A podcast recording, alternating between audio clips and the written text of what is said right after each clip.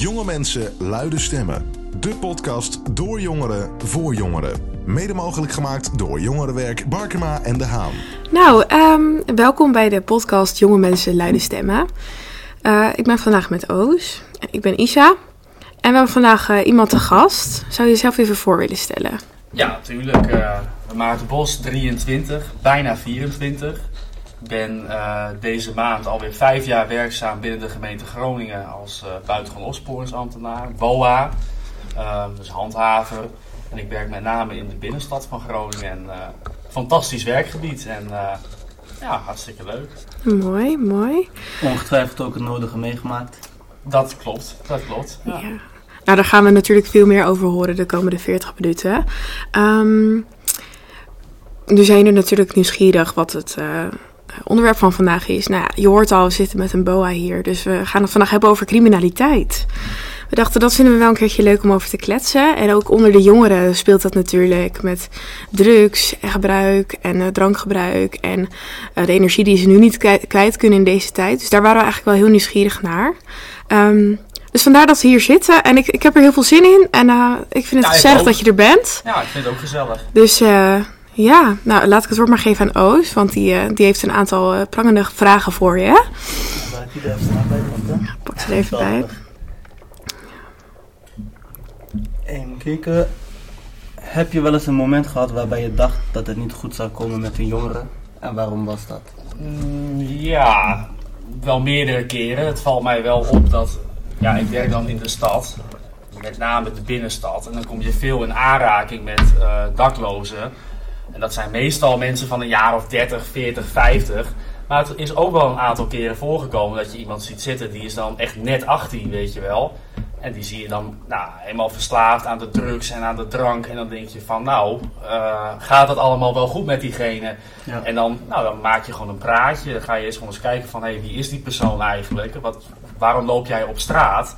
Nou, en dan alsmaar verder in gesprek, dan blijkt dus van een klote thuissituatie, uh, ouders gescheiden, er is sprake van criminaliteit in het gezin, uh, problemen, gaat niet goed met school en uiteindelijk foute vrienden. Dan kom je in een bepaald circuit terecht. Ja, dat is ook een stukje omgeving natuurlijk. Ja, zeker, zeker. Het is ook maar net waar je wie staat natuurlijk mm -hmm. en welke dingen je allemaal tegenkomt in het leven. Ja, zeker. Uh, ja, zeker. En dan is het natuurlijk de vraag van als je die signalen krijgt van zo'n bepaald persoon, wat doe je daarmee? Dus dan ga je contact zoeken met uh, ketenpartners, het jeugdwerk. Uh, we hebben ook van die wijkteams hebben we in Groningen die echt gespecialiseerd zijn om de gesprekken aan te gaan met, met dit soort mensen, zeg maar, die problemen hebben. Dus ja, voor ons blijft het dan monitoren en, en signalen doorgeven aan hulpverlening en andere instanties. Ja, zijn ja. jullie daar echt ook een doorgegeven luik in naar ja. soort instanties? Okay. Ja, zeker. zeker. Dat, dat moeten we ook. We moeten het met z'n allen doen. We hebben een gezamenlijke missie. Ja. En ja, als je mensen met problemen tegenkomt, en ook jongeren, dan is het gewoon zaak dat je die signalen doorgeeft aan de juiste instanties. Ja, ja. ja. ja. En, en heb je ook dan dat je bijvoorbeeld als je een bepaalde jongere ziet, dat je die ook regelmatig blijft zien? Ja. Of, ja? ja, er zijn wel meerdere voorbeelden van. We hebben een, nou, ik denk dat het een jaar of twee geleden zal zijn, denk ik, hadden we een, een, een jonge meid, die was nou ja, 17, 18, hartstikke jong. En die liep constant in de, in de stad rond en helemaal bedwelmd onder drugs. Uh, ging met ja, volwassen mannen mee en uh, het laat zich dan raden wat er dan allemaal wordt, wat er dan gebeurt. Wordt uitgebuit, misbruikt. En ik begreep nu dat het wel redelijk goed gaat met diegene. Maar we hebben ook een tijdje gehad. Er was een jongen die was, nou ja, ik denk begin 20, 21, 22 jaar. Um, nou, die liep ook op straat. En ik weet nog wel dat we een melding van die jongeman kregen. Toen kreeg ik hem voor het eerst in, in beeld. Dat was in Bijem. Toen was hij uh, met bakstenen aan het gooien richting een soort uh, bouwkeet. Nou, dan ga je met die vent in gesprek. En daar is eigenlijk geen gesprek mee te beginnen. En nou ja, dan geef je die signalen die je dan uh, ja, opmerkt, ga je doorgeven aan hulpverlening en instanties.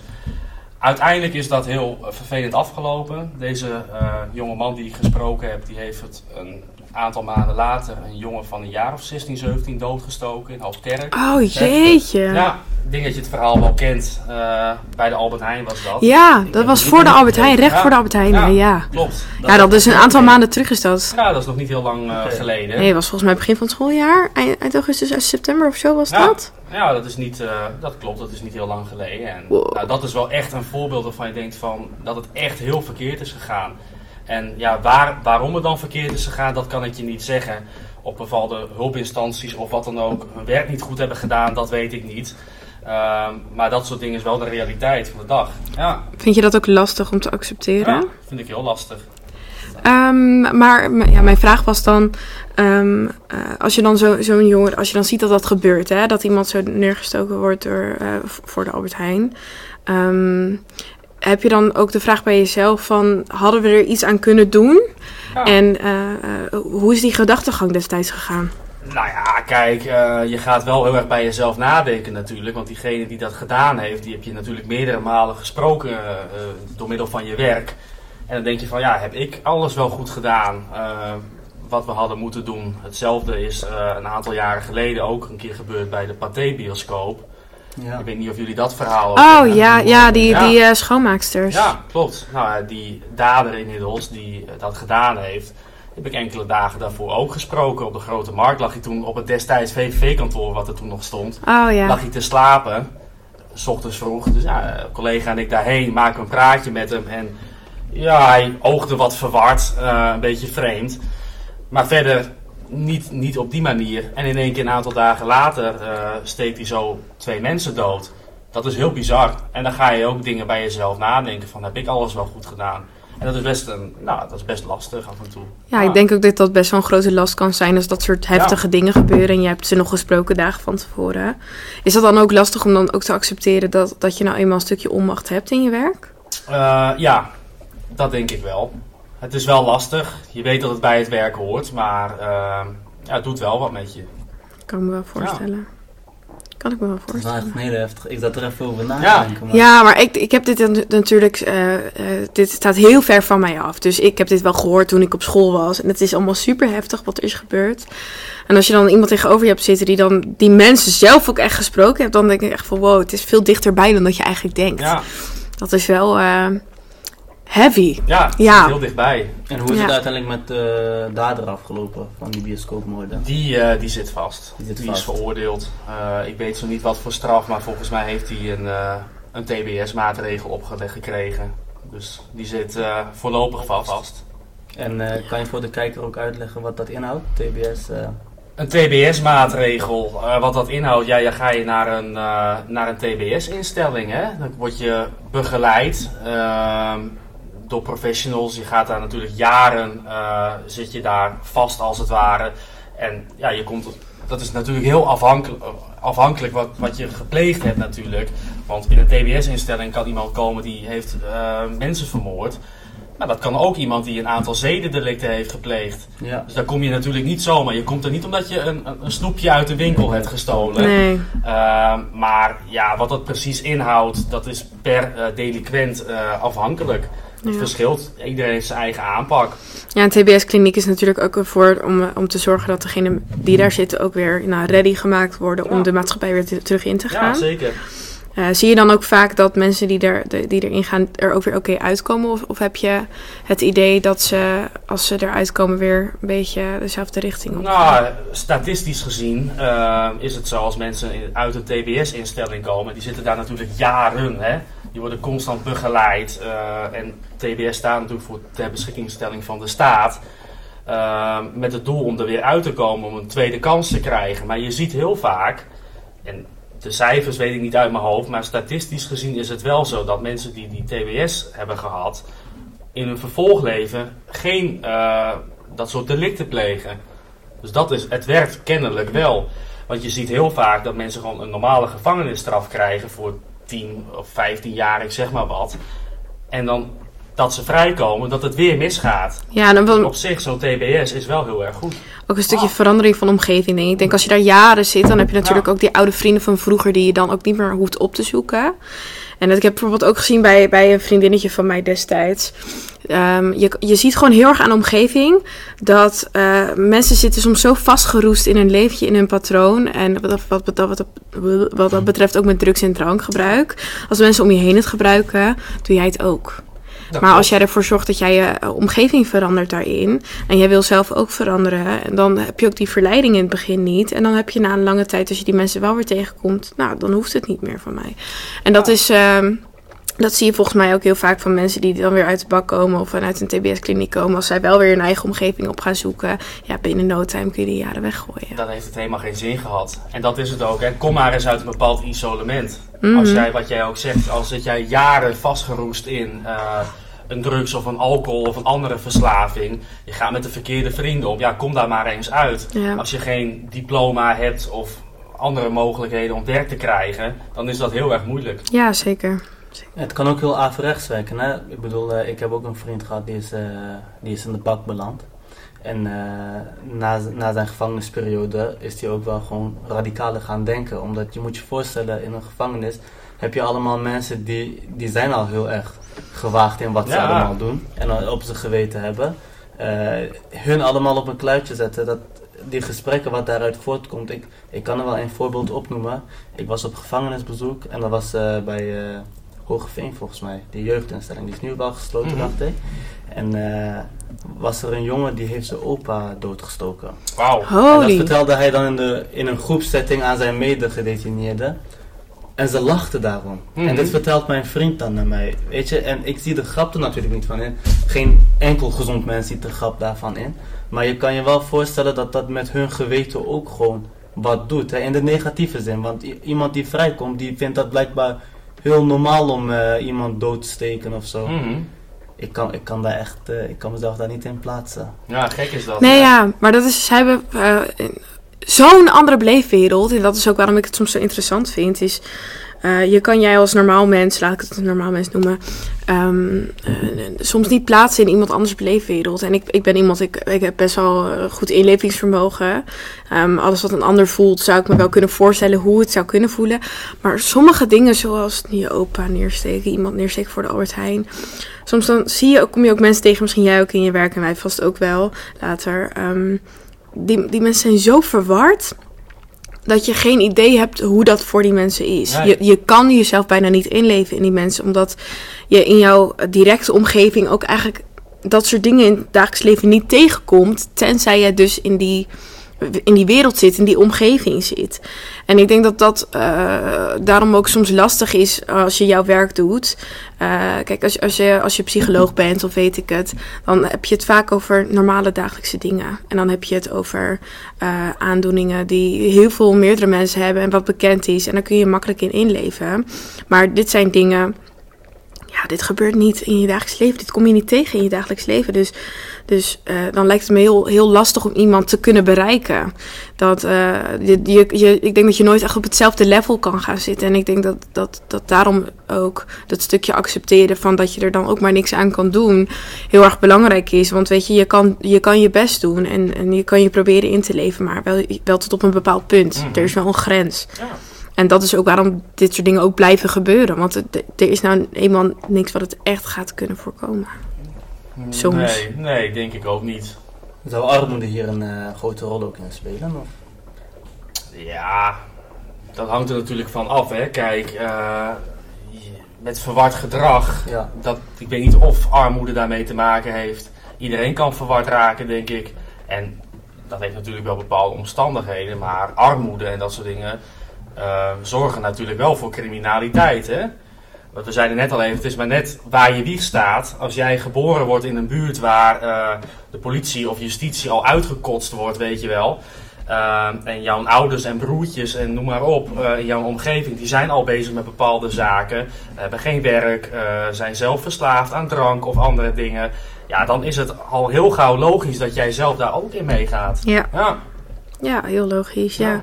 Want je hebt ook, ehm, als jij je niet bewust wordt dat dat niet oké is, ga je het later in je leven ook doen. En dat is met heel veel dingen zo. Dat is met, met verslaving zo. Eh, maar dat is ook met eh, bepaalde karakterstructuren zo. Als je vader narcistisch is, heb je een grote kans dat jij zelf of narcistisch wordt of je een narcist trouwt. Mhm. Eh, dat is ook zo met verslaafden. Omdat je hebt het gevoel later dat je ehm, iets op moet lossen. Want je hebt in je jeugd zoveel onmacht gevoeld als je een ouder hebt die verslaafd bent of die niet goed met je omgaat. Dat je het idee, eh, het onbewuste idee hebt dat je dat later op moet lossen. En dat ga je vaak oplossen in je huwelijk, in je eigen drankgebruik, met je vrienden, in je omgeving. En dat maakt, dat zorgt ervoor dat als jij eh, daar jong niet bewust van wordt, jij waarschijnlijk dezelfde kant op gaat. En ik denk dat het heel belangrijk is dat als je dit soort dingen wil voorkomen en je wil voorkomen dat jij als eh, dochter of zoon zijnde van eh, zo'n ouder ehm, eh, hetzelfde gaat doen, dat je gewoon heel bewust wordt van je eigen gedrag. Mhm. Alleen ja, hoe, hoe, hoe ga je die mensen wakker maken? Dat is ook nog een beetje. ja, dat, is natuurlijk wel een het ding. lastige. Hè? Kijk, als jij... Eigenlijk zou je moeten zeggen, het begint op de basisschool al. Hè? Dan zouden leraren of, of andere mensen die daar werkzaam zijn... al bepaalde signalen moeten opvangen. Ik denk ook wel dat het gebeurt hoor. Als jij een bepaald kind ziet in groep 3 of 4... eh, heeft kapotte kleding, is verwaarloosd... ouders zijn nooit in de buurt of nooit aanwezig bij bepaalde activiteiten... dan zou er eigenlijk al een belletje moeten gaan rinkelen dat er contact gezocht wordt met, met jeugdzorg of andere instanties. En ik weet niet of dat al gebeurt, ik ga er wel een beetje van uit. Maar daar begint het natuurlijk wel, hè. Sterker nog, iedereen, ik denk dat jij en jij ooit wel eens een keer wat hebben gedaan vroeger toen je een jaar of 12, 13, 14 was of zo. Een keer eh, misschien iets gepikt of wat Ik anders. heb een keertje een Romeinse kaars aangestoken de dag voor oud en nieuw. Dus toen mocht het nog niet. Nee, dus toen kwam de wijkagent. Een zware misdaad Eh, nee, maar goed, het is natuurlijk maar net hoe daarop gereageerd wordt. Hè? Mhm. Kijk, word jij een keer opgepakt of eh, een keer afgeleverd thuis door een politieauto of ik zeg maar wat. ehm, hoe wordt daarop gereageerd? Als de buurt zegt van, wat moesten, eh, als de politie aan de deur komt, wat moesten die klerenleiders daar bijvoorbeeld? Ja, dan heb je al een heel ander, eh, een andere situatie. Ja. Want wat ook, een stukje sociale controle is ook heel belangrijk, hè? Denk Ja. ik. Zeker. Van, want stel als jij bijvoorbeeld met de politie eh, voor de deur komt bij je thuis. En dan krijg je heel veel van, nou, wat moeten de buren hier wel niet van denken, weet je wel, dat soort Mhm. dingen. En dat zijn allemaal van die kleine dingetjes die je wel eh, een bepaalde richting opsturen. Ja, maar en dat- is denk ik ook een stukje. Ik denk dat er ook heel veel angst onder zit wat dat betreft. Ja. Als jij in een, in, in een eh, laat ik zeggen, in een, in een gezin bent opgevoed waar dat soort dingen niet oké zijn, terwijl dat wel dingen zijn waar jij als mens doorheen gaat. Weet je, iedereen heeft zijn eigen stukken. Ehm, en als jouw ouders niet, niet eens zijn met de dingen die je doet of waar je doorheen gaat, dan voel je al dat je afgewezen bent door je ouders wat dat betreft. Ehm, en dan duwen ze je eigenlijk juist nog meer de verkeerde kant op. Want wat ik altijd geleerd heb, is mijn moeder die voedt mij altijd op met... ook al heb je iemand vermoord, bel mij op. Dan gaan we samen kijken wat we kunnen Ja. doen. En dat is een mindset... Die, die zou ik altijd doorgeven aan mijn kinderen. Want natuurlijk, daarmee zeg ik niet dat mijn kinderen mensen moeten vermoorden. Dat totaal niet. Ik wou wel zeggen, dat zou wel een vreemde gedachte zijn. Ja. Maar ik bedoel meer van, ehm, weet je, maakt niet uit wat je doet. Weet dat je mij altijd kan bellen en op kan bellen. En dat ik altijd rustig zal zijn en zal gaan kijken met je wat, wat kunnen doen in deze situatie. Dus als jij als, als, als eh, jongere eh, thuis wordt gebracht door de politie, zal ik als ouder, stel je voor mijn zoon of dochter later wordt thuisgebracht door de politie, zal ik altijd eerst vragen van, hé, hey, wat is er gebeurd? Mhm. En dan ga ik doorvragen. Wat maakt dat je dat hebt gedaan? Of wat maakt dat ze jou thuis brengen? Eh, weet je, eh, er is, schuilt altijd een reden achter. En als ouder vind ik dat je een taak hebt om je eh, eh, kind daarin wat, wat bij te brengen. En ehm, daarin een stukje begrip moet geven. Weet je, je thuis moet, moet een veilige haven zijn. Je moet thuiskomen met alles wat op je bordje ligt. En naar je ouders moeten komen en zeggen van jongens, ik heb nu zoiets gedaan. Ik weet niet meer wat ik, wat ik moet doen.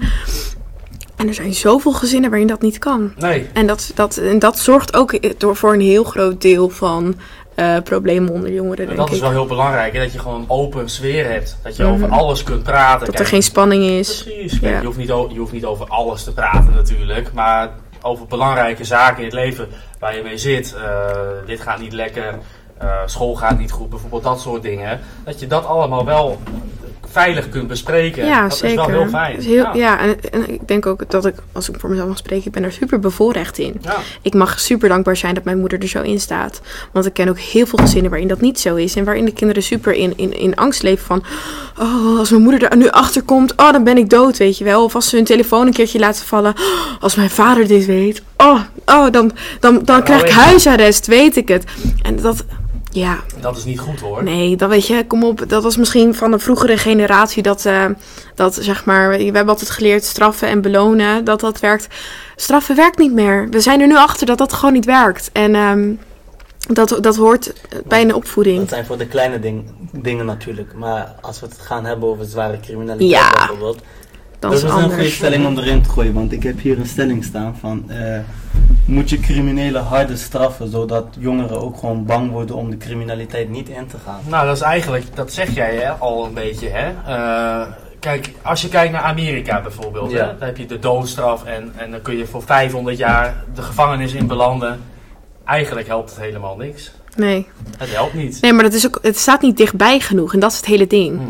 Eh, en als, als jongeren eh, eh, eh, nou ja, crimineel zijn, zeg maar, dan denken ze ook niet na over de consequentie. En dat is het hele ding. En dat is ook waarom ze het doen. Dus ze denken niet na over de consequentie. Dus al koppel je er 500 jaar aan vast of al koppel je er 4 jaar aan vast. Dat, ik denk niet dat dat een grote werking zal hebben. Nee, denk ik ook niet. En als je puur even sec kijkt naar jongeren inderdaad. Het brein is nog minder ontwikkeld, natuurlijk het puberbrein. Dat je, je kan de gevolgen niet inzien. En dat is het dus. Ja. Ja, en dat is. En daarbij vind ik ook altijd. eh, In, we leven natuurlijk in een grote maatschappij. En dat is hetzelfde met het schoolsysteem waar we het al eerder over hebben gehad. Maar dat is hetzelfde met het, met strafrecht. Er wordt he- heel veel over gescheerd. Eh, want als je op school zit, dan krijg je één klas met één bepaalde stof en iedereen moet hetzelfde leren. Hetzelfde ge- geldt voor het strafrecht. Ehm, er zijn heel veel mensen die, nou, dan hebben ze dit delict gepleegd, dan krijgen ze zoveel jaar aan straf. Terwijl als je gaat kijken naar de persoon zelf, is degene wel willig om, om aan zichzelf te werken. Ehm eh, ga er misschien wat meer tijd in, in, in, in zitten, laten zitten met een psycholoog bijvoorbeeld. Zet diegene neer van hey, we gaan eerst even een paar gesprekken met je voeren om te kijken wat voor mens je bent. Eh, en dan gaan we kijken van eh, wat kunnen we met jou doen in dit traject. En dan zou ik nog misschien nog helemaal geen jaren vaststellen. Maar dan zou ik gewoon zeggen van hoe welwillig is iemand om aan zichzelf te werken om weer de maatschappij in te willen. Mhm. En dat, ik denk, ja, weet je, tegenwoordig heb je natuurlijk wel dat er dan weer jaren afgesnoept kunnen worden. Dus dat vind ik wel iets heel goeds. Ehm, maar eh, ik, ik, ik denk dat je ook wat, wat betreft strafrecht gewoon wat meer naar de persoon zelf moet gaan ja, kijken. denk ik ook. Persoonlijke begeleiding is beter, denk ik, dan dreigen met zware gevangenisstraf of hoge boetes. Mhm. Lijkt me wel heel eh, complex eh, trouwens. Ik bedoel, als je echt Klopt. naar de persoon gaat kijken Ja. en je gaat daar een straf aan, een straf Eh, aan. Ja, maar dan heb ik het ook echt van, van helemaal bovenin, hè? helemaal aan het eind van de rit.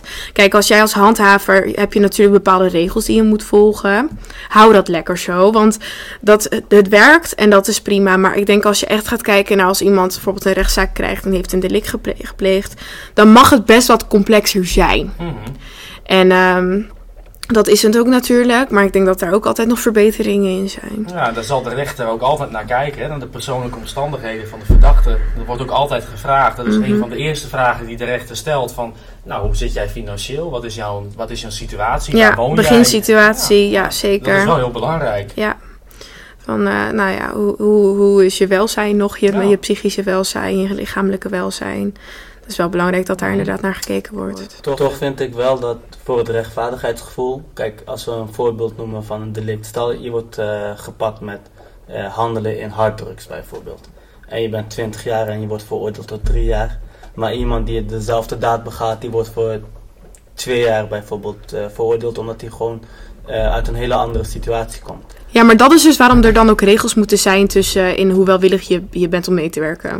Ik denk als, als zij, want zij hebben in principe dan dezelfde behandeling gehad. Stel je voor, je gaat naar het strafrecht, je krijgt drie gesprekken met een psycholoog. Dan eh, heeft de een het minder goed gedaan of de ander het beter gedaan. De een die wil niet meewerken, nou dan krijg je een jaartje bij op. De ander wil graag meewerken, dan gaat er een jaartje vanaf. En ik denk dat, want dat heb je zelf in de hand. Ja. En eh, nu heb je een veroordeling niet zelf in de hand. Nee, dat klopt. Meer daarna. Dat klopt, maar ik snap, ik snap jou ook Ja. wel, wat jij, eh, wat jij zegt. Want het zou natuurlijk heel raar zijn dat eh, wij plegen precies hetzelfde feit. En jij wordt voor vijf jaar veroordeeld en ik voor tien jaar. Omdat jij wel wil meewerken en ik niet. Dat is wel zo, maar de rechter heeft natuurlijk wel een bepaalde lijn. Die kijkt natuurlijk naar vergelijkbare zaken. En er zal altijd wel een beetje dezelfde straf uitrollen. Ja. En het zal echt niet zo zijn dat er iemand, hè, dat voorbeeld wat ik net gaf, dat jij vijf jaar krijgt en ik twintig jaar bijvoorbeeld. Dat zal niet gebeuren. Maar er zal wel rekening worden gehouden met, eh, met de Ja, persoonlijke precies. Het moet natuurlijk ook niet inderdaad zo'n groot verschil zijn. Nee. Maar als het, als het een klein verschil kan zijn, omdat iemand wel mee wil werken en de ander niet, en de ene heel opstandig is en de ander niet, dan ja, vind ik dat dat best wel mag, eh, naar mijn mening. Ja. Maar, Ja, vind ik ook. Ik heb hier nog een stelling. Eh, want ik noemde net het voorbeeld over bijvoorbeeld wat als iemand met harddrugs wordt opgepakt. En we weten natuurlijk allemaal ook dat drugs een van de grootste problematieken zijn, helemaal in Nederland wat zich voortleeft.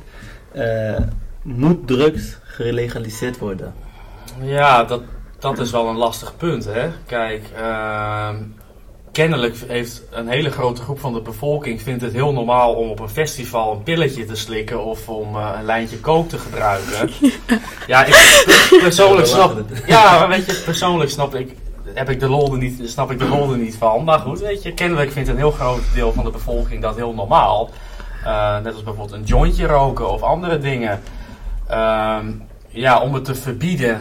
We zijn al, ik denk van, vanaf de jaren 70 eh, land of wereldbreed bezig met de war on drugs, om het maar even zo te zeggen. Ja. En die is eigenlijk, er zijn miljarden ingepompt, maar die hebben we verloren. Dus ik zou zeggen, ehm, zie het meer als een volksgezondheidsprobleem. Mm. Dat zou ik beter vinden, persoonlijk. Ja, ga, maar dan, eh, ga dan de gevolgen, de, eh, ga dan zeggen van het is ongezond, het is, dit, dit heeft het effect op je lichaam als je het lange tijd gebruikt. Ehm, Maar ja, dat weten Ja. mensen natuurlijk ook wel. Hè? Ja. Ik denk dat je het meer bij de kern ook aan moet pakken. Ik denk uiteindelijk de reden waarom mensen drugs gebruiken is omdat ze hun leven willen ontsnappen. Ze willen ontsnappen aan de realiteit. Nou, is de realiteit zo verschrikkelijk kut dan? Dan moet je daar iets aan gaan doen. Zorg zo. ervoor dat er, meer, dat er genoeg hulp is. Mensen staan eeuwig in de wachtrij om geholpen te worden, eh, psychisch. Zorg ervoor dat er een, een betere werkomstandigheid is als mensen daar last van hebben. Zorg ervoor dat er een betere omstandig is, omstandigheid is voor mensen in hun omgeving. Ga daar naar kijken. Maar Ja, het gebruik van drugs is natuurlijk eh, op heel veel manieren. Hè? Eh, je kunt het gebruiken als je uitgaat of naar een festival gaat om een pilletje. Dat lijkt dan heel onschuldig.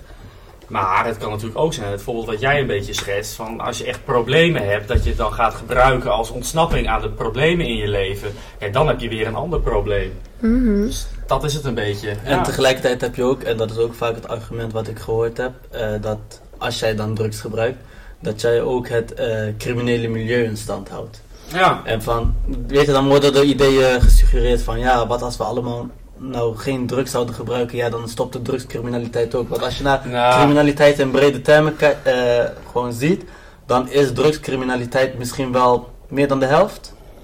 Ja, ja, het is in principe ook gewoon een stukje economie. Hè? Ja, zeker. Het is ook gewoon degene die gebruikt en degene die verkoopt. Dat is zo, maar als we zeggen van we gaan het eh, vandaag verbieden, het, eigenlijk is het natuurlijk al verboden, maar Ja. dan blijft het gewoon doorgaan. Dat is hetzelfde, noem eens wat, noem eens eh, appelmoes bijvoorbeeld. Als we zeggen van we gaan appelmoes of rode bieten gaan we verbieden, dan komt daar ook weer een markt voor. Dus dat ga je nooit helemaal... eh, Nee, klopt. nee. Maar het brengt wel veel ellende met zich Heel veel ellende, Nederland ja, is eh, de poort van Europa hè, als het gaat om drugs. Ja. Kijk, maar, kijk maar eens wat er jaarlijks onderschat wordt in, in de haven in van Rotterdam. Rotterdam. Ja. Maar eigenlijk, als je, het, als je het heel breed kijkt, wordt er zoveel binnengesmokkeld. En de politie en al, hè, en er wordt altijd naar buiten gebracht, we hebben dit onderschept. Maar eigenlijk is het peanuts. Met het Ja, dat is eigenlijk nog een zandkorreltje Ja, van de ja, hele... Ja, plaats. Ja, joh. Ja, dat is echt niet te bevatten. ja, ja, ik denk ook... eh, Dus, maar ja, het is wel een probleem. ja. Ik denk dat dat ook echt de reden is waarom heel veel jongeren dat natuurlijk heel aantrekkelijk vinden. Hè? Want er zit genoeg eh, percentages Het is om gewoon spannend ook. Ja, het is spannend, maar gewoon eh, wat je met drugsdealen verdient, eh, als je dat gaat vergelijken met Ja, wat je in de supermarkt verdient. Ja, Ja. makkelijk geld verdienen. Als, als, jij, als jouw geweten niet zo... Als je in de horeca werkt, Ja. zoals je op mijn leeftijd, dan krijg je nog niet eens 5 euro per uur. Nee, Daar daar, sorry, maar super hard werken. Ja, en alles wordt duurder. Als je, je kan helemaal niet meer rondkomen. Wil je een beetje... Wil, het enige werk wat ik leuk vind is horecawerk. Wil ik op mezelf dit jaar, hoef ik niet in de horeca te gaan werken hoor, nee. want dan kom ik niet rond. Voor het geld moet je het niet doen. Nee, precies. Dus wat- dan ga je kijken van, nou, hoe kan ik makkelijk, tegenwoordig, hoe kun je makkelijk geld verdienen zonder niet te veel, al te veel te doen. Nou, prima, dan gaan we lekker drugs dealen. Ja, want dan kun je echt honderden euro's, duizenden euro's verdienen eh, zonder eigenlijk heel veel te Ja, doen. dat is het ook, hè? Want eh, je- het begint natuurlijk jong. Jongeren willen ook een, een mooie scooter of een mooi Ja. horloge of een mooi petje of dat soort dingen. En dat begint heel erg klein inderdaad met nou even een zakje wiet wegbrengen. Even, weet je, daar begint het mee. Maar uiteindelijk word je toch eh, de straatdealer in de buurt. En breidt dat heel erg uit. Ja, Ja, jij ging zo naar Amsterdam, zei je toch? Nu moet je maar even opletten hoeveel jonge jongens je op een Vespa van 4000 euro Ja, die zie je overal. Ik denk dat je ze zelfs hier wel ziet rijden. ja. Waar we nu zitten. Maar dat ga je niet... eh, ja, het is wel mogelijk, maar als je dat echt met eh Albertijn monies of zo Nee, eh, dat kan niet. Nee joh, dan mag je eerst drie jaar gaan werken voordat Ja, je dat bij elkaar Ja. hebt En gespaard. niks uitgeven. Nee, Niks ja, uitgeven. niks uitgeven, heel zuinig. Ja, alleen een één keertje een biertje eens in de maand in de kroeg. Ja, Nou ja. dat is wel een ding. Ja jongens, mijn zakgeld is op. ja, dat, ja, weet je, dat, Ja, dat dat wordt een oplossing makkelijke geld. Ja. Mm. We hebben er een goede oplossing voor. Dat is denk ik echt... eh, Ja, maar ik denk dat dat ook het hele ding is. Ik denk dat, dat dit is zo lastig om hier een oplossing voor te gaan verzinnen. Want mensen willen helemaal niet stoppen met gebruiken. Nee, nee. En ik denk ook dat je ook soms de onschuld ervan in moet zien. eh, want er is natuurlijk een hele dunne, dunne scheidlijn tussen eh, echt nou, eh die hard drugs gebruiken en eraan vastzitten. En het gewoon een keertje voor de leuk doen. Ik denk dat er best wel de onschuld van een festivalletje met een pilletje mag best wel, weet je, eh, dat moet kunnen, vind, Mhm. vind ik zelf dan. Want je bent jong en je wil dingen proberen en dat is, het hoort ook een beetje bij de ontwikkeling tegenwoordig. Ja. Want het is ook natuurlijk nu veel genormaliseerder dan dat het voorheen altijd was. Mhm. Ehm, maar ja, als je gaat kijken naar mensen die in dat circuit zitten, helemaal verslaafd zijn. eh, eh, mensen die aan de crack zitten, mensen die heroïne spuiten, eh, afhankelijk zijn van andere mensen. eh, dat is wel heftiger. En dat is inderdaad het grootste probleem. Eh, en mij, ja, ik denk niet dat daar een oplossing voor is. Nu. Nee, ja, wat ik zeg, ga het als een volksgezondheidsprobleem beschouwen. Ja, Dat, dat zou de politiek eigenlijk moeten doen in mijn optiek. ja. Ik heb... ik ken zelf ook mensen die dan zeg maar in dat milieu zitten. Die zowel gebruiken als Mhm. verkopen. En het sterkste argument wat ik van die jongens heb gehoord... En ik kan me daar ook echt wel in vinden. Niet dat ik het zelf zou doen, maar ik snap het wel. Is van... Ja, als je succesvol wilt zijn in de maatschappij... Dan moet je maar gaan drugsdealen. Want anders word je niet succesvol. En dan baseren ze dat natuurlijk op het hele eh, financiële gebeuren. Want eh, heb jij financieel een- eenmaal heel breed, dan heb je ook meer vrijheden. Ja, Je kan makkelijker op vakantie, je kan makkelijker die mooie pet halen. Je kan makkelijker investeren in een bedrijf zonder te lenen. Ja, precies. Je kan makkelijker investeren in een bedrijf zonder te Ja, lenen. natuurlijk. Je bent niet afhankelijk van iemand anders. Want dat is uiteindelijk wat je ook graag wil als mens. Je wil onafhankelijk blijven. Maar ja, die mentaliteit is natuurlijk heel erg aantrekkelijk. En dat laten ze ook niet heel gauw los. Nee, dat snap ik wel. Het is natuurlijk makkelijk geld verdienen. Want waarom zou je jaren naar school gaan, duur schoolgeld betalen en Om vervolgens een middelmatig Ja, kantoorbaantje nou, te maar hebben. Dat, snap, Ja. dat is wel heel erg logisch natuurlijk. Maar als jij dan met die jongens praat, hebben die dan niet dat soort doelen in het leven? Dat ze bepaald werk willen gaan doen of naar school willen? Of, kijk, ik heb nu niet contact met die jongens, maar wat je het meest hoort is van ja, ik eh, wil mijn eigen baas zijn. Ik wil niet voor 9 tot 5 werken. Het zijn, het zijn weer diezelfde kreten, weet ja, je. precies. En het schoolsysteem, ja, ik heb daar ook wel eh, mijn enige kritiek op. Maar het zijn ook meestal jongens die, eh, die gewoon niet schoolslim zijn. Hmm. Die, die krijg je niet Ja. achter de boeken. Die hebben niet hoog? IQ, maar wel een hoog EQ. En daar Ja. wordt ook niet naar gekeken. Wat- Soms. Wat, wat betekent dat? EQ is zeg maar je, Vind ik I- wel mooi. je IQ is zeg maar, nou ja, je algemene kennis. Dus het is ook als je een IQ-test op internet opzoekt, dat is je algemene kennis, hoe, hoe schoolslim je bent, zeg maar. En je EQ is hoe straatslim je bent eigenlijk. Dus eh, hoe, hoe goed jij je kan verwoorden, hoe goed jij je kan verhouden in gesprekken, hoe, hoe sociaal sterk je bent. Dat hebben bijvoorbeeld mensen die bijvoorbeeld ehm, ADD hebben, die hebben heel vaak dat ze een, een hoog IQ hebben, maar een lager EQ hebben, of autisme hebben, die, dat ze een lager EQ hebben, omdat ze eh, dat sociale aspect een stuk minder hebben. Mensen die een hoog EQ hebben, hebben dat sociale aspect veel, minder, veel meer, maar zijn minder schoolslim. Daar wordt niet naar gekeken. Onze maatschappij is gebouwd op mensen die een hoog IQ hebben. Mhm. En eh, mensen, eh, ook wat je zegt, de enige mensen die ik om me heen hoor, die zijn van, ja, weet je, ik wil graag heel succesvol zijn, maar ik wil geen 9 tot 5 baan meer. Mensen willen ook niet meer vijf dagen in de week werken. Ik was zat van de week bij een, eh, bij, nou ja, een vriendin van de familie. Die heeft haar eigen bedrijf, die is natuurlijk ook dicht nu door, de, door corona. Eh, die heeft een eh, eigen kapsalon en die zei ook van ja, ik kan mijn werknemers, ik kan geen werknemers meer vinden, want niemand wil meer vijf dagen in de week werken. Eh, alles wordt duurder. Die mensen willen graag ho- loonsverhoging, want ook zij willen na een aantal jaar weer wat meer verdienen. Ze zegt, ik weet niet waar ik het vandaan moet halen. Ik weet niet hoe ik het moet gaan doen. Ze zegt, ik moet constant dicht en, en, en ik kan nergens meer werknemers krijgen. Mensen die zijn klaar met werken vijf dagen in de week Mhm. totdat ze doodgaan. Daar zijn ze klaar mee. En dat, dat, Ja, dat is nu ook denk ik de grote verandering wel. die eraan zit te komen, denk Ja. ik. Maar ja, wat is de oplossing? Ja, als je thuis blijft, dan verdien je geen geld. Nee, Nee, nee. Nee. Maar dat is dus... slapend rijk worden, dat Precies. is wat iedereen wil. Maar, Maar dat is dus waarom ik me heel goed kan voorstellen dat mensen drugs dealen. Omdat ze zoiets hebben van, ja, wat moet ik anders dan? Want dit wordt ze dan op dat, op dat moment... eh, je rolt zeg maar in dat circuit door inderdaad eerst beg- beginnen met een zakje wiet weg te brengen. En dan kom je er eigenlijk achter dat dat best wel makkelijk geld verdienen is. Mhm. En dan, dan krijg je ook een stukje dopamine van, lijkt me. Het is spannend. Je denkt van, oeh, ik eh, krijg geen eens voor een zakje wiet, krijg ik, krijg ik tientallen euro's in mijn hand gedrukt. Nou, daar kan ik eh, wel weer even mee eh, voor- vooruit. En dan gaat het van een zakje wiet gaat naar cocaïne. En dan eh, gaat het naar eh, pilletjes. Hoe meer geld, hoe meer die dollar signs in je ogen, weet je wel. Hoe, meer dat, eh, hoe meer je dat ook wil. En ik denk dat het ook een soort verslavend iets is. Ik denk als je er eenmaal in zit, dat je dan zoiets hebt van... Ja, als je dan zo makkelijk geld kan verdienen... dan is er toch niemand meer die een kantoorbaantje gaat doen... en lekker aan de hand, eh, weet ik het... eh, eh, eh, international business gaat studeren. Dat is toch niemand die dat dan meer gaat doen? Dus ik denk dat, dat, dat als je inderdaad dat, de, dit probleem op wil lossen... dan moet je gaan kijken naar hoe kun je mensen een, ehm, een baan geven... die niet 9 tot 5 is en goed betaalt. Ja, ja, hoe ga je dat doen? Ja. lastig hè? Dus vaak je moet je eigen bedrijf opzetten, maar ik denk dat, het, dat je het gewoon makkelijker moet maken voor ondernemers. Het wordt ondernemers tegenwoordig heel moeilijk gemaakt. Mhm. Dat vind ik echt eh, Maar belachelijk. dat, dat idee dat mensen dan minder hoeven te werken en meer betaald moeten worden, dat moet ook echt vanuit een overheidsorgaan gewoon Mhm. eh, gerealiseerd worden. Want anders, wij kunnen er natuurlijk over praten, maar als de overheid daar niks tegen doet, want zij, zij constateren toch ook alle problematieken waar wij als eh, eh, maatschappij in leven. Ik, ik zelf bijvoorbeeld werk recentelijk nu bij een beschermde wooninstelling. En bijvoorbeeld voor een crimineel die dan net crimineel begint te worden in de drugscriminaliteit bijvoorbeeld.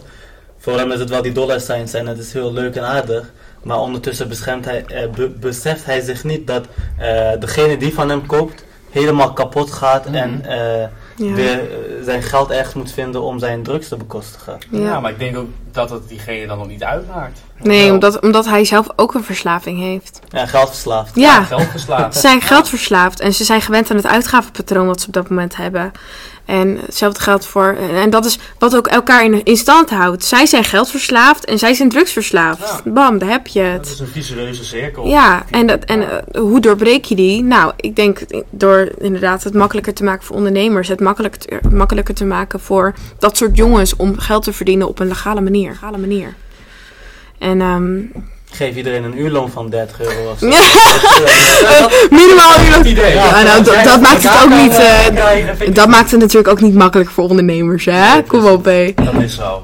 Nee, maar ik denk dat je dat. Dat hoeft natuurlijk ook niet allemaal in één keer. Maar weet je, zet hem in ieder geval stappen. Dat zie ik de overheid ook niet doen. Niemand, ik zie niemand stappen zetten wat dat betreft. Ik, eh, Het is wel een lastig onderwerp. ja. Daar is, no, zo Het is- nu in één keer zo een onder- complex. Een oplossing voor te gaan vinden, dat is heel moeilijk. Er zijn Ja. zoveel problemen. Ja, klopt. Ja, Ja, dat is. maar het is gewoon super complex. Ook met de onderwerpen waar we het ook sowieso in de podcast over hebben. Je kunt niet 1, 2, 3. Oh, nou, dit is de Nee. oplossing voor alle drugsproblemen in de wereld. Want als- ja, want dan hadden we die drugsproblemen al niet meer gehad. Dus, eh, maar het is wel altijd leuk om daarover te praten, Ja, vind zeker. ik. En we hebben het niet eens gehad over het exponentiële geweld wat bij criminaliteit komt kijken. Ja, joh. Want eh, als je kijkt, naar, ja, zo oud ben ik niet, maar voor de jaren 2000 was er wel een enig, enig soort van respect binnen het criminele milieu. Nu bijvoorbeeld, eh, wil ik even een koppeling maken aan bijvoorbeeld eh, alle gewelda- gewelddadigheid van bijvoorbeeld de mokromafia in Nederland. Mhm. Eh, als jij een crimineel bent en jij bent niet op te sporen door de maffia, dan pakken ze je broer. Dan pakken Ja. ze je familielid, weet Ja. je. We hebben het gezien met de advocaten, we hebben het gezien met Peter de Vries die er ja, slechts over vertelde. Ja. Het zijn allemaal factoren wat mij wel een beetje angstig maakt. Ja, dat, Ja. Dat, dat klopt wel, dat begrijp ik ook wel. Maar eigenlijk, eh, als je naar de cijfers kijkt, loopt de misdaad loopt per jaar af. Er worden steeds minder moorden en dat soort dingen gepleegd. Dat klinkt misschien heel raar, maar in de media is het constant. Er is weer dit gebeurd, er is weer een overval gepleegd. Er wordt heel veel Het wordt heel groot gemaakt, ja. Maar ook al in de jaren 80 en de jaren 90 bijvoorbeeld, werden ook al dit soort delicten gepleegd. Ja, tuurlijk. Ja. Alleen was het misschien wat minder naar buiten gebracht. Ja, klopt. dat is ja. ook altijd wat, ik, wat wij zeggen thuis. Is ook altijd als je bijvoorbeeld kijkt naar bijvoorbeeld verkrachtingen, dat soort dingen, dat soort dingen die allemaal gebeuren. En ook in, in de criminaliteit. Ja, weet je, vroeger gebeurde dat ook allemaal, maar het was allemaal niet zo in de, in de Het werd niet, het spotlight. werd niet uitgebre- eh, ja, uitgemeten in de media. En dat is wel wat er nu heel veel gebeurt. Dus het lijkt, natuurlijk, het is heel erg hè, wat er allemaal gebeurt. Maar het wordt heel erg eh, afgebeeld. Ja, heel Terwijl, vergroot. nou ja, wat ik zeg, je had, vroeger had je een, eh, een Joegoslavische eh, drugsbende. Je hebt de Turkse maffia heb je gehad. Je hebt een Chinese eh triade gehad. en nu is het dan de Mokro-maffia Ja. maffia Ja. is het dan. Eh, Weet je, Ja. dit, dit gebeurt al zo lang. En eh, ja, weet je, dit is gewoon ons, de- ook de wereld waar we in leven. Hè? Mhm. Eh, en, en, en die kant wordt belicht. En we hebben natuurlijk ook een hele positieve kant aan deze wereld. En ik- weet je, het, het, het, goede, het kwade kan niet bestaan zonder het goede. En het goede kan niet bestaan zonder het kwade. En eh, weet je, ja. Nou, even heel plat gezegd, als wij bijvoorbeeld de tv uit hadden gezet, dan hadden we ook niet heel veel van die nee. moorden en... Nee, merk je er Nee. niks van. Nee, maar Daar ik- niks van.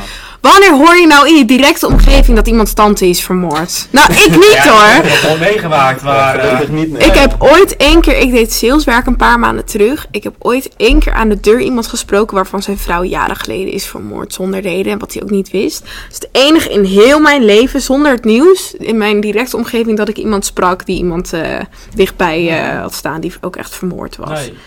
Ja, dat is, zijn dingen die staan zo, eh, zo ver weg.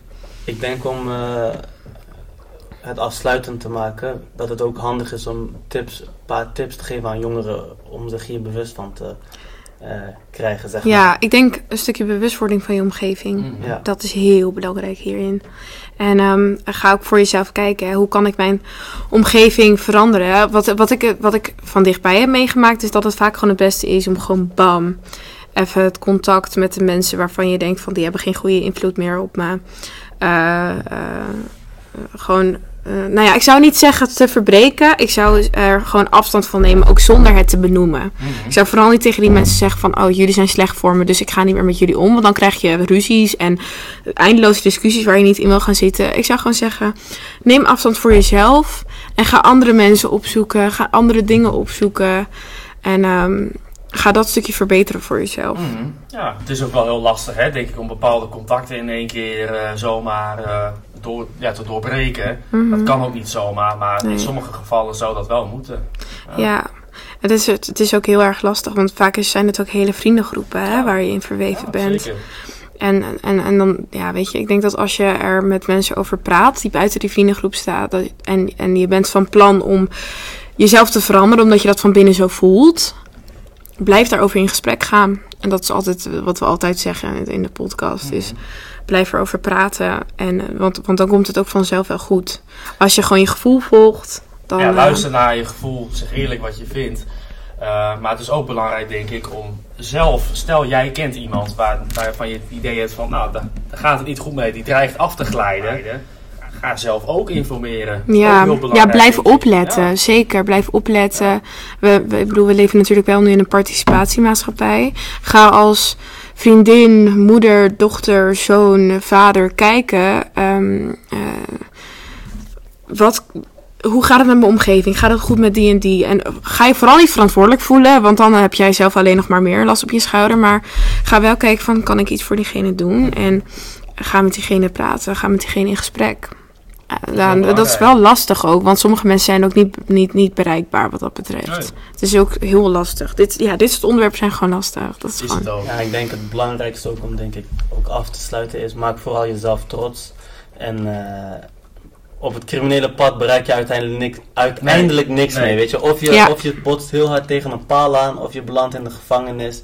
Of eh, nog erger, ja, je wordt eh, begraven. Heel, Ja. heel cliché, maar misdaad loopt niet. Misdaad loopt Nee. niet. Nee, maar je kan... dat is denk ik de conclusie wat we moeten Je kan niet 50 jaar lang je Nee. hele leven een drugsdealer blijven. Er is op een gegeven moment een dag waarop het moet stoppen en waarop je zelf een eigen leven moet gaan beginnen eh, voor jezelf. Omdat je later wil je waarschijnlijk ook een gezinnetje en je wil ook dat dat goed loopt. Je wil niet En- over je schouder kijken, ook niet wanneer je kinderen hebt, want dat gebeurt ook vaak Nee. als zij doorgaan met... Precies. Ja, Ja, zo. dat is, eh, dus, dus eh, let een beetje op jezelf, let een beetje op je omgeving. Maak jezelf trots, inderdaad. En ehm, ik denk dat dat een mooie afsluiter is. Vind ik ook. Ik wil je heel erg bedanken. Ik vond het Geen heel erg leuk dat je hier zit. En eh, ook, ook voordat de podcast begon, een leuk gesprek gehad. Je bent, bent echt een toffe gozer. Dankjewel. En, en eh, we hebben, nou, ik vond het weer een leuke podcast, Ja, ik jongens. Ja, ik vond het ook heel erg leuk. Eh, leuk dat ik aan kon sluiten. En eh, nou, wie weet tot de volgende keer. Ja, zeker. Volg ons even op, eh, op Instagram. Eh, Jonge Mensen Podcast. En laat ons vooral even in de reacties eh, weten wat je ervan vond. Of stuur ons even een DM. En eh, nou, tot de volgende keer. Peace. Doeg! Jonge mensen, luide stemmen. Deze podcast werd mede mogelijk gemaakt door Jongerenwerk Barkema en De Haan.